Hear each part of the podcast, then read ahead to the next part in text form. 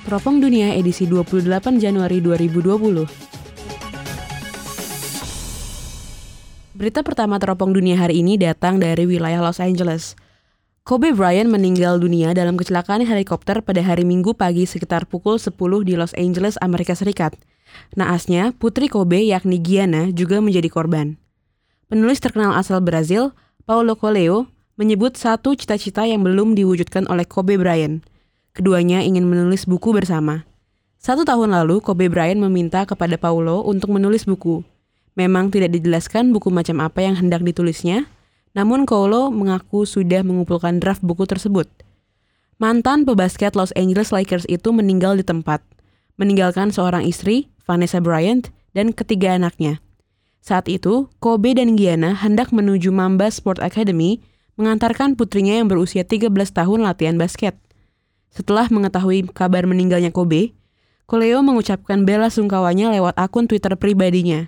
Ia juga mengatakan bakal menghapus draft yang sudah ia buat. Banyak pengguna Twitter yang berharap Koleo tetap menyelesaikan buku tersebut. Mereka merasa almarhum Kobe Bryant akan senang jika buku itu akhirnya selesai. Sebelum kejadian naas itu, Kobe Bryant sempat memberikan pesan atau wasiat saat berbincang dengan Los Angeles Times. Saat itu, ia sedang mengomentari rekornya yang dilampaui LeBron James. Orang-orang cenderung salah mengartikan persaingan saya dan atlet lainnya. Mereka berpikir mereka adalah pesaing. Mereka tidak ingin orang datang melampaui atau memecahkan rekor mereka. Dan itu tidak mungkin jauh dari kebenaran, kata Kobe Bryant dikutip pada People hari Senin 27 Januari 2020. Ayah empat anak itu malah memiliki keinginan para pebasket lainnya bisa melampaui apa yang telah dia capai. Berita kedua kita hari ini datang dari wilayah Jakarta. Pemprov DKI Jakarta menyiapkan sejumlah rumah sakit guna menangani pasien yang terjangkit virus corona. Rumah sakit tersebut tersebar di sejumlah kota administratif di Jakarta. Sementara ini, Jakarta ada tiga rumah sakit rujukan. Ada Rumah Sakit Sulianti Suroso, Rumah Sakit Infeksi, Rumah Sakit Tarakan dan RSPAD, kata Kepala Dinkes DKI Jakarta Widya Stuti pada Selasa 28 Januari 2020. Kendati begitu, dia menyebut akan menambah rumah sakit rujukan yang lokasinya dekat dengan bandara ataupun pelabuhan, misalnya RSUD Koja dan RSUD Cengkareng. Selain itu, Widya Stuti menambahkan, petugas kesehatan di puskesmas hingga rumah sakit telah memiliki alat pelindung diri untuk menghadapi pasien yang diduga terkena virus corona. Berita ketiga kita hari ini datang dari wilayah Cina. Harga masker di Wuhan meroket dampak dari virus corona dan WNI butuh bantuan. Rantai perekonomian di kota Wuhan menjadi PR berat bagi Cina. Pemerintah Cina memang terus menyetok bahan makanan di Wuhan, tetapi penduduk di sana tercatat juga amat banyak. WNI yang berada di Wuhan melaporkan harga beras sudah naik dan ternyata harga masker juga meroket. Padahal, masker adalah benteng dari virus corona yang menyebar.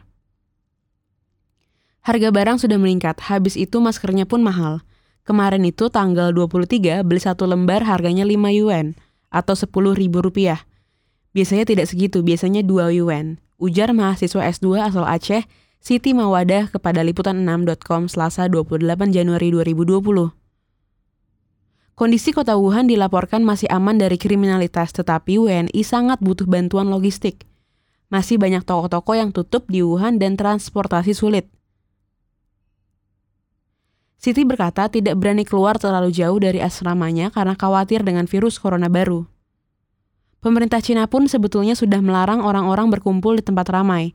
Namun, supermarket selalu dipenuhi masyarakat yang ingin menyetok makanan pemerintah Aceh sudah mengirim bantuan sebesar 50 juta rupiah kepada WNI asal Aceh di Wuhan. Presiden Joko Widodo juga berkata telah mengirim bantuan logistik. WNI di Wuhan mulai merasa gelisah dan ketakutan terkait penyebaran virus corona baru. Pemerintah pun diharapkan agar secepatnya menjemput WNI yang terjebak di Wuhan. Kilas teropong dunia hari ini adalah SBY minta kasus Jiwasraya diselesaikan untuk selamatkan negara dari krisis. Kapolda Papua melaporkan KKB juga menganiaya warga saat kontak senjata dengan TNI atau Polri. Dewan Pengawas KPK buat aplikasi izin penyadapan. Sekian berita teropong dunia pada tanggal 28 Januari 2020. Terima kasih sudah mendengarkan, semoga hari kalian menyenangkan.